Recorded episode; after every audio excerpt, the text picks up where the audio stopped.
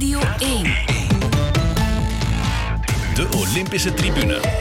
Jonathan Mettepenningen. Een gouden groet en van harte welkom bij de Olympische Tribune. Het is binnen, Nina Terwaal doet het. Goud op de brug met ongelijke leggers, waar ze zo hard voor gewerkt heeft en zo hard van mag genieten. Ik bel meteen naar Inge van Meensel in Tokio en we hebben het straks ook over het Olympische tennistoernooi dat vandaag afgelopen is, met tenniscommentator Gert Gomé. Maar eerst het turnen. Hier is het moment voor Nina Derwaal. Op haar 21ste kan ze haar carrière bekronen met een Olympische medaille. Hier gaat ze. En nu komt het kritisch moment. Hè. De, de derwaal met de Jehovah. Het gebeurt nu. Doorgaan. Ja, ja, ze doet het, hè. Ja, klein foutje. En ze staat. Oh. Klein foutje. Oh, ook zij stond stijf van de stress. Jongens, jongens, ik heb ze nooit Oh, zo zien twijfelen. Nooit zo zien twijfelen. En we hebben goud. Het is bevestigd. 14,4 de score voor Elisabeth Seitz. Daar staat het, zwart op wit. Nina Derwaal. Oh, schitterend beeld dit. Goud voor Nina Derwaal en meteen de eerste Belgische gouden medaille op dit Olympisch toernooi. Eentje die we vooraf hadden kunnen voorspellen, maar ook eentje waarvoor Nina Derwaal alles uit de kast heeft moeten halen. Ik heb het erover met onze commentator bij de gymnastiek in Tokio. Dag Inge van Meensel. Hallo, ik ben nog aan het bekomen, Jonathan. Ik ga eens zeggen, je bent nog niet bekomen, hè? Nee, totaal niet. Wat een één. Wat een bizarre finale. Met zoveel stress. Die is begonnen met de nodige vertraging. En ik denk dat dat een heel grote reden is voor al die stress bij alle finalisten. En dan zie je wie gaat daar het best mee om. Die van ons, hè. Nina Derwaal. Waanzinnig. We wisten hoe sterk zij was. Fysiek, mentaal. Maar om dit te doen, het was niet de perfecte oefening, maar wie maalt daar nog om? Zij was zo veruit de beste. Wauw, ik vind het ongelooflijk. Ik kan het nog niet geloven, wat we hier meemaken. Ik, ik weet niet of mensen dat beseffen eigenlijk. Olympisch goud in het turnen. Wij zijn helemaal geen turnland. En Olympisch goud, vijfde met het team in de kwalificaties, teamfinale, twee in de allround finale. Dit is een waanzinnig toernooi, een waanzinnige Olympische Spelen. Waanzinnig moment voor het Belgische turnen en een waanzinnig moment voor de Belgische turngeschiedenis. En ik had het al gesuggereerd, live op antenne, 1 augustus 2021. Dat is gewoon de dag van Nina Derwaal. Vanaf nu 1 augustus, Nina Derwaal-dag, afgesproken. Is goed. Ehm, haar laagste score inderdaad tot nu toe, maar de stress bij alle atleten was gigantisch, hè? Ja, het begon al met Suni Sali. Ik had net de coach even gezien en ze zei, al in de opwarming was zij gevallen. En merkte je dat iedereen een beetje de kluts kwijt was, dat lange wachten. En Suni Sali, ja, ik denk, decompressie na de allround finale, waanzinnige prestatie van haar. En ja, zij is menselijk sowieso. Dus ik, ik had dit een beetje verwacht, maar dan kan je er nog op twee manieren mee omgaan. Of het lukt niet, of ze turnt totaal vrij, zonder iets te verliezen. En het lukte vandaag niet voor haar. Het was de eerste oefening. Zij was de eerste. Dus de grootste concurrente van Nina. En Nina wilde niet kijken. En Marjorie Huls, haar coach, zei net... Ze was zo gespannen en ik wilde haar op een of andere manier duidelijk maken dat Souni Sali eigenlijk niet zo goed had gescoord. En als Nina Ja. hoefde niet zo strak gespannen te zijn. Ze kon zich ietsje permitteren en ze hoopte dat ze daardoor wat losser zou zijn. Maar Nina sloot zich helemaal af en draaide met de rug naar iedereen. Zat echt in haar kokon. Er was spanning, want zeker op het einde, ik dacht, oh, dat gaat hier toch nog niet mislopen. Maar ze heeft zoveel metier, zoveel ervaring. Ze is gewoon de beste. Gewoon echt, wat een kampioene. En daarmee bedoel ik een kampioene in zijn geheel. Hè. Voor mij is zij één als persoon een kampioene. Wat zij heeft meegemaakt het laatste jaar, hoe zij op de proef is gesteld.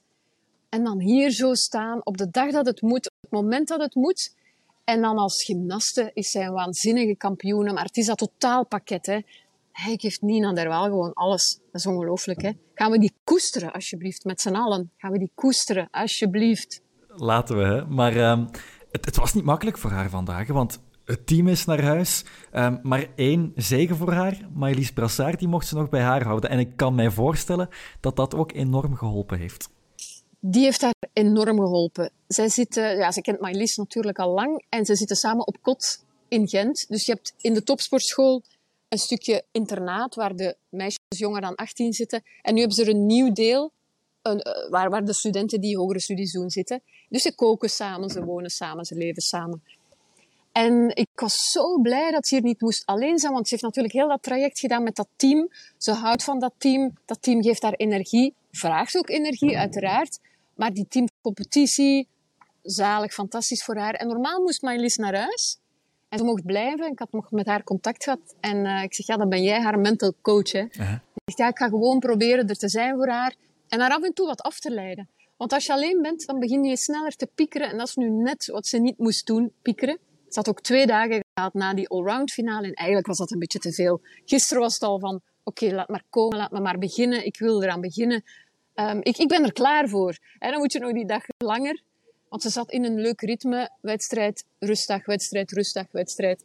En dan die twee dagen. Het was een beetje te lang. En dan ook nog s'avonds zo lang wachten. En dan nog die vertraging met de finale ervoor. Oh, jongens, wat een, wat een test voor de zenuwen. Voor Nina, maar voor, voor iedereen die zo meeleeft met haar. Dus ook voor de commentatoren. Het was niet zo simpel. Maar oh, om dit mee te maken, dit is, allee, ik ga eerlijk toegeven, dit is het hoogtepunt. En ik draai al even mee. Ik ga toch niet zeggen hoe oud ik ben, maar ik draai al even mee. Ik heb al waanzinnige momenten meegemaakt. Ik heb alle Grand Slam titels van Kim Kleisters en Justine Henin van heel dichtbij meegemaakt waren fantastische momenten. Maar als ik nu eerlijk ben, ik heb ook Justine en goud zien winnen. Dat was ook een, natuurlijk waanzin. Maar dit is zo anders, omdat ik ze van zo dichtbij heb mogen volgen. Ik heb twee documentaires gemaakt en dan weet je pas uh, wat ze ervoor doen en, en wat daarachter steekt van werk. Heel dat team, heel die omkadering. Want het is niet alleen Nina, natuurlijk is zij degene die het moet doen. Maar wat er allemaal rond zit en hoe hard iedereen heeft gewerkt. En dan dat zo, dat zo bekronen dat is zo weinig gegeven om naar iets toe te werken, toe te leven en het dan gewoon te doen. Dat vind ik zo waanzinnig. En waarschijnlijk grijpt dat me dan zo aan. Ook, ik heb zelf ook een beetje tegen de stroom ingevaren, maar ik geloofde er zo hard in, in dat team, in haar, dat ik dacht, ja, mijn gevoel gewoon gevolgd. En wat ze dan ook zeggen over mij, het kan me niet schelen. Ik geloof hierin. Dus ik moet toegeven dat dat ook nu voor mij ongelooflijk speciaal is. En weet je wat ik ook zo speciaal vond? Ik heb met Dirk van Nesser, mijn co-commentator, vijf Olympische Spelen gedaan. Dirk is baas geweest van de Gymfit, stond aan de wieg van dit succes jaren, jaren geleden. En die man is, is vrij hard, direct en, en recht door zee, wat zalig is. Wat soms ook botst, hè. dat heb je wel gemerkt deze week, maar daar gaan we het niet over hebben. Maar die man had tranen in zijn ogen. En dan kreeg ik kippenvel van, wauw, die heeft het ook van zo dichtbij meegemaakt. En. Ja, dit is zo echt het summum, hè. Ja, gewoon het summum. Uh-huh. En het heeft daar goud opgeleverd en daarmee is ze de derde Belg ooit die in hetzelfde nummer, in dezelfde discipline, zowel Europees, wereld als Olympisch kampioen wordt na Fred de Burggraven en Navi Tiam. Dat vertelt je alles over haar toewijding, haar focus en haar extreem talent? Ja, dat is uh, werken naar een doel, hè. Uh, zoals in Rio, en toen was ze 16, ze haalt de allround finale, wordt negentiende ja, valt van de balk op het moment dat Simone Biles haar titel aan het vieren is. En ze wist toen, ik kom terug naar de Spelen, maar ik kom niet terug om nog eens mee te lopen, om nog eens te genieten van alles. Nee, nee, nee, ik kom terug voor de finales, voor de medailles. En die heeft een klik gemaakt, want als je daarvoor gaat, dan train je anders, leef je anders. Ze had geen zin om uit te gaan, want goh, dat kon ze later toch ook nog. Oké, als ik tot vier uur s'nachts uitga, ja, dan betaal ik dat de volgende dag op training. Dat heb ik er niet voor over. Ik kan nog zoveel feesten en vieren en al wat je wil. Ik wil dit nu. Met zoveel toewijding, ongelooflijk veel eisend voor zichzelf. Perfectionist, dat is ongelooflijk getest dit jaar ook, hè? dat perfectionisme. Want in coronatijden, wie kan er dan nog perfectionist zijn eigenlijk? Want niks loopt volgens plan. Dus die flexibiliteit heeft ze moeten oefenen. En goh, het hier staat ik zie daar de coaches. Ik wil eigenlijk heel hard wuiven. want ze hebben toch echt, goh, ja, ik ga er niet te veel over zeggen, want dat ligt heel gevoelig, maar het is toch ook hun succes. En, en ze wisten zo goed waar ze mee bezig waren. En ze hebben die zo klaargestoomd gekregen. Wauw, chapeau. Chapeau voor iedereen eigenlijk. Chapeau voor iedereen. Olympisch goud op zak voor Nina Terwijl. Alles gewonnen wat ze kon winnen. Wat betekent dit dan nog voor de toekomst van Nina Terwijl? Goeie vraag. Ik weet dat ze nu echt een lange break nodig heeft. Haar vriend Simon, voetbalt nu in Zwolle. Ik denk dat ze zo snel mogelijk naar hem wil en daar even wil gaan bekomen. Ik denk dat ze een lange break verdient, nodig heeft. Ze heeft heel veel moeten doorstaan.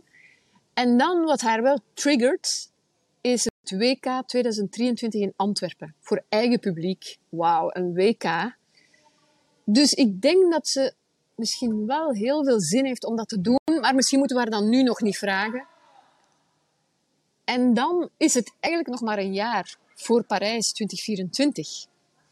En op die manier probeert Marjorie Uls, weet ik, haar wat uit te dagen en te motiveren. Kijk, als je dat WK doet in 2023, ja, dan kan je net zo goed nog een jaar doordoen. Maar dan denk ik dat ze niet meer allround gaat turnen. Daarom vond ze dit zo belangrijk. Want dat wordt denk ik te belastend. Dan volgens mij, ik kan me vergissen, ik hoop het zelfs, volgens mij gaat ze zich dan richten op brug en balk. Want grond en sprong zijn voor haar wel heel belastend, vooral sprong. Ik denk dat ze zich daar gaat op richten en dan volgens mij kan er nog zeer veel moois gebeuren hoor. Maar bon, dat moet zij beslissen als zij nu het gevoel heeft, ja, ik heb eigenlijk alles nu. Hè? Zo is het hè. Ze heeft alles. Ze heeft alles. Nu ze houdt wel van uitdagingen. Hè? Nog eens een tweede Olympische titel. Goh, dat, dat, eh, dat is ook een uitdaging. Hè? Dus goh, laten we haar nu ongelooflijk veel tijd geven om te genieten en dit te koesteren. En moet haar nog niet lastigvallen met vragen. En wat nu? Weet jij het? Wat nu? Ik niet hoor. Niemand weet het, hè? dus er kan nog zoveel komen, maar goud heeft ze. Die medaille zal blinken, zal ze eeuwig koesteren. En die hoogste Olympische uitdaging mag ze schrappen van haar bucketlist. Nina Terwijl wint goud. Blijf jij nog maar even in die roes, uh, Inge. En alvast heel erg bedankt. Heel graag gedaan. Groetjes, hè. Radio 1. Sportza. Een beetje onderbelicht op de Spelen, maar het tennistoernooi in Tokio is vandaag afgerond met de laatste finales. Het is een verrassend toernooi geweest met vreemde wendingen, maar eentje met mooie winnaars.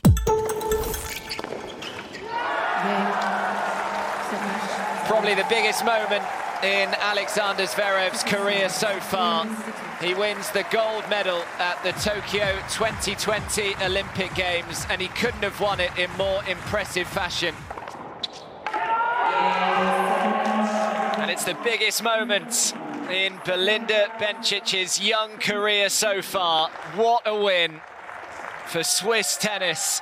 De Duitser Alexander Zverev wint goud in het enkelspel bij de mannen, de Zwitserse Belinda Bencic bij de vrouwen. Niet de winnaars die je voorspeld had, en dat ga ik ook eens voorleggen aan onze tenniscommentator bij Sporza. Gert Gomé. Dag Gert. Hallo. Belinda Bencic won van de Tsjechische Marketa Vondrozova en Alexander Zverev van de Rus Karen Gatjanov, hè? Ja, het is moeilijk. Karen Gatjanov. Gatjanov, ja. Ik, ik ben geen enorme volger van het tennis, maar naast Alexander Zverev en een verre herinnering van Belinda Bencic heb ik van deze tennissers eh, nog niet echt gehoord. Het zijn wel verrassende finales geweest, toch? Het zijn behoorlijk uh, verrassende finales. Dat is natuurlijk iets wat een, een, lange geschiedenis heeft. Om te beginnen een aantal afmeldingen voordat ja. de Spelen begonnen. Um, er is veel nadruk op gelegd dat het een onthoofd toernooi is. Dat is zeker overdreven. Uh, het is zo dat Nadal en Federer er niet waren natuurlijk. Mm. Um, nu zijn dat niet meer de nummers 1 en 2 van de wereld. Uh, ze zijn nu 3 en 9. Uh, dus die hebben dan afgemeld, maar er zijn nog wel Novak Djokovic, de nummer 1 was er wel. Uh, Daniel Medvedev, uh, de nummer 2 was er wel. Net als Tsitsipas, de nummer 4 en, met, en Zverev, de nummer 5. Dus op zich nog wel een, een, een goede affiche. Maar een aantal kleppers zijn al vroeg in het toernooi uitgeschakeld. Dat zijn gewoon dingen die gebeuren, die in gewone Grand Slams ook gebeuren. Nu is er natuurlijk nog extra druk om voor je land te spelen. In ons land telt dat misschien nog iets minder dan in sommige landen waar ze ongelooflijk chauvinistisch zijn. Ja. Er ongelooflijk veel druk op spelers wordt uh, gelegd, zowel bij de mannen als bij de vrouwen. En er zijn daar toch een paar uh, onderdoor gedaan, waardoor je ja, uiteindelijk een finale krijgt tussen uh, Zverev en, en Gatjanov. Zverev die dan Djokovic opzij zette in die halve finale. Dat was echt ja, een ongelooflijk dramatisch moment voor Djokovic zelf. Ja. Je zag zijn wereld echt instorten. Van, hij had er zoveel van verwacht. De, de Golden Slam, wat Die hij hoopte Slam, ja. te bereiken. Dus de vier Grand Slams en de Olympische Spelen binnen één seizoen. Dat leek echt voor het, uh, voor het oprapen door al die uitschakelingen van de favorieten. Maar kijk, het was uh, niet zijn dag. Uh, hij speelde slordig, vooral niet gretig genoeg. Ik miste mm -hmm. een beetje de grinta, zo waarmee ja. soms spelers opeet dat heb ik uh, niet gezien. Ja, en dan is hij van het toernooi uh, verdwenen. Ja, heeft nog voor brons gespeeld uh -huh. en dat ook nog verloren. Ja. Dat is dubbel zuur. Dubbel zuur. Ik zag op Twitter de vergelijking met Wout van Aert in de tijdrit passeren. De wedstrijd te veel. Dat, dat is een perfecte uh, vergelijking, denk ik. Ik heb -huh. net dezelfde opmerking op tv ook ah, gemaakt. Het lijkt mij inderdaad de dag te veel.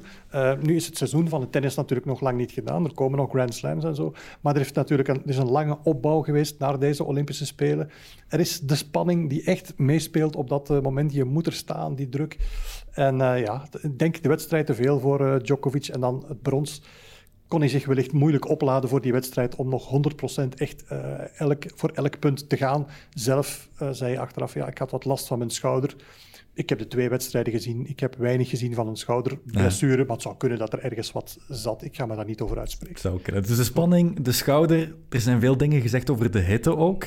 De Spaanse Paula Bedoza moest in een rolstoel en met een handdoek over het hoofd van het veld geduwd worden. Daniel Medvedev vroeg zich af wie verantwoordelijk gesteld zou worden.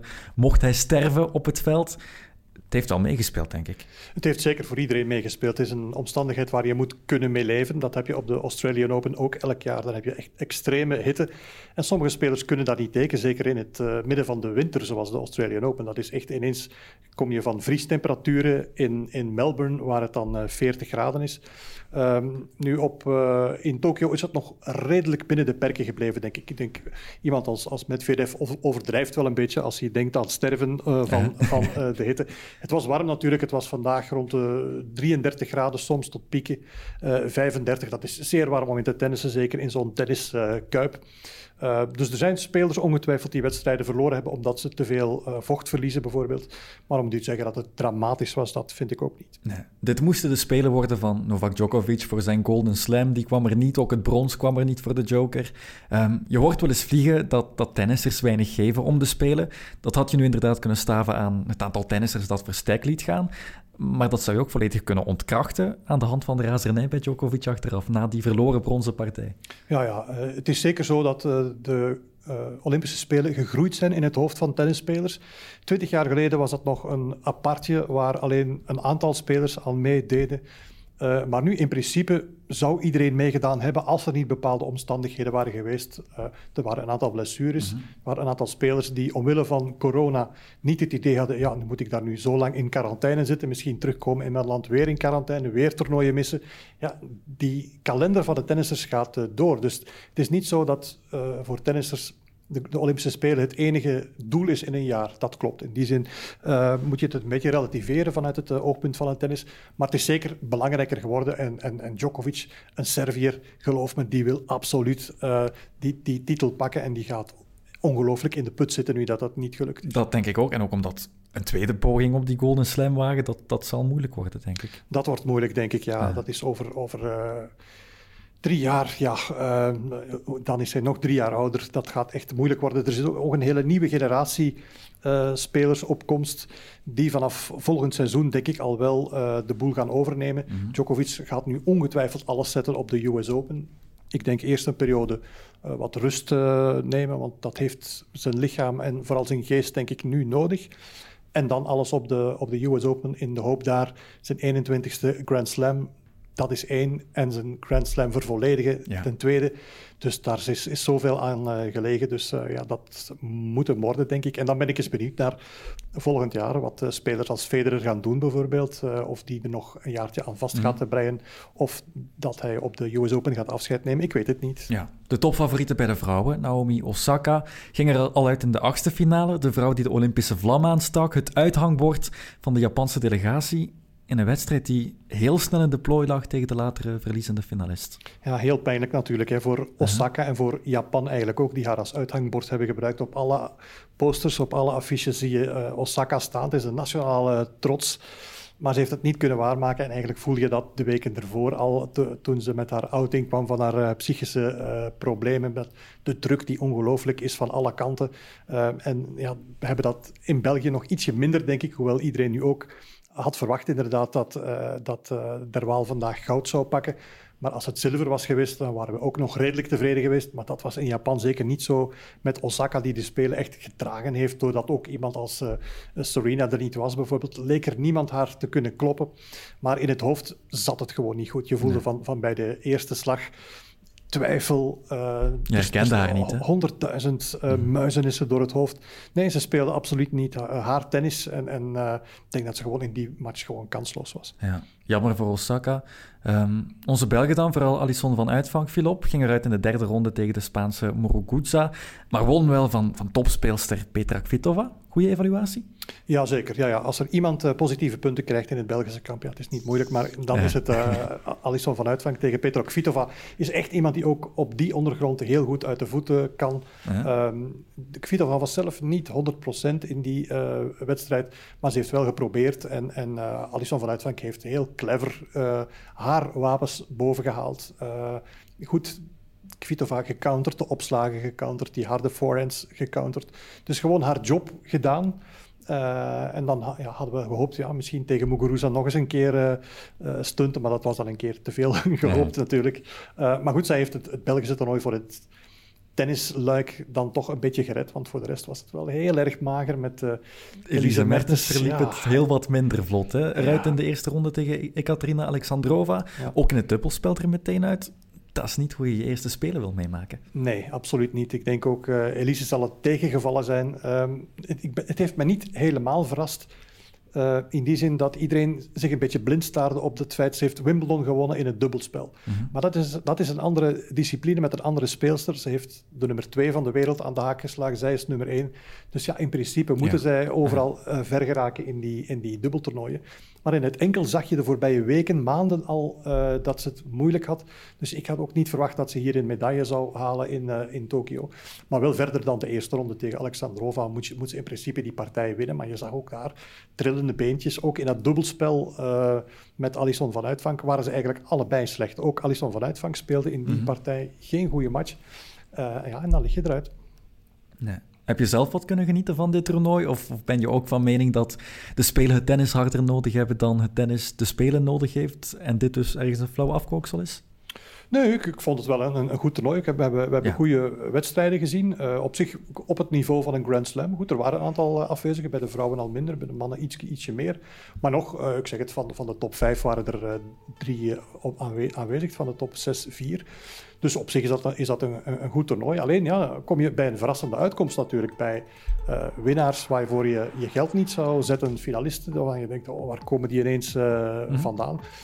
Nu moet ik ook wel zeggen, het feit dat uh, Sporza nog veel minder tennis uitzendt, we zenden de Grand Slams bijvoorbeeld uh, niet meer uit, maakt natuurlijk dat we ook wat verder weg staan van die sport. Ja. En er soms namen opduiken waarvan men zegt, ja, vanmorgen vroeg iemand, Carreño Busta, wie voor iets, waar, waar, waar, komt die vandaan? Ja. ja. dat is de nummer 11 van de wereld, hè. Dus, die, dus die, dat is echt een hele goeie. Maar wij kennen die niet, omdat die nog niet speelde in de nee, periode van Kim en Justine. Daardoor hebben we toch een beetje een, een hiaat om naar dat tennis te kijken. Ja, oké. Okay. Maar het toernooi viel al bij al wel mee. En de gouden medailles komen aan de muur of in een mooie kast in Zwitserland en in Duitsland bij Belinda Bencic en Alexander Zverev thuis. Heel erg bedankt, Gert Gommey. Ja, graag.